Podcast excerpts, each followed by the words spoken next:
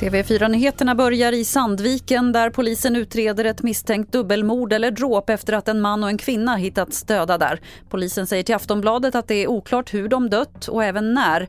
Och Det är anledningen till att polisen utreder det hela. Ingen misstänkt är gripen.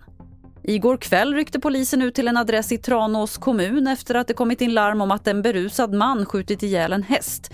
På platsen hittades en död häst och mannen greps misstänkt för grovt vapenbrott, djurplågeri och skadegörelse. Polisen ska utreda vad som hänt och varför mannen sköt hästen. Det har väckts misstankar inom Moderaterna om att partiet försöker förhala utredningen om misstänkt röstköp i MUF.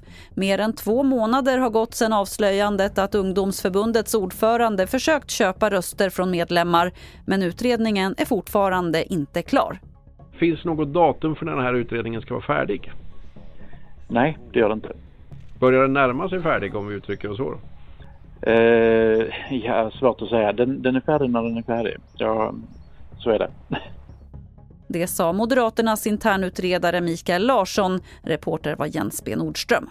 Fler nyheter finns på tv4.se. Jag heter Lotta Wall.